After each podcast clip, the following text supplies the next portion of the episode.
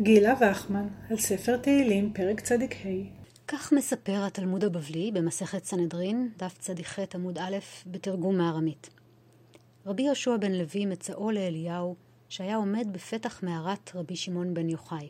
אמר לו, בא אני לעולם הבא? אמרו לו, אם ירצה אדון זה, כלומר המשיח. אמר רבי יהושע בן לוי, שניים ראיתי, כנראה הכוונה לאליהו ורבי שמעון בן יוחאי, וכל שלושה שמעתי. אמר לו, אי מתי בא המשיח? אמר לו, לך שאל אותו בעצמך. והיכן הוא יושב?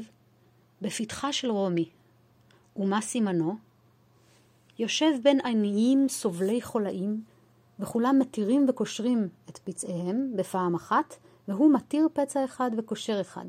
אומר, שמא יצטרכו לי ולא אתעכב. הלך אצלו, אמר לו, שלום עליך רבי. אמר לו, שלום עליך בן לוי. אמר לו, אי מתי בא אדוני? אמר לו, היום. בא אצל אליהו, אמר לו, מה אמר לך? אמר לו, הוא משקר לי, שאמר לי, היום אני בא ולא בא. אמר לו, כך אמר לך, היום אם בקולו תשמעו.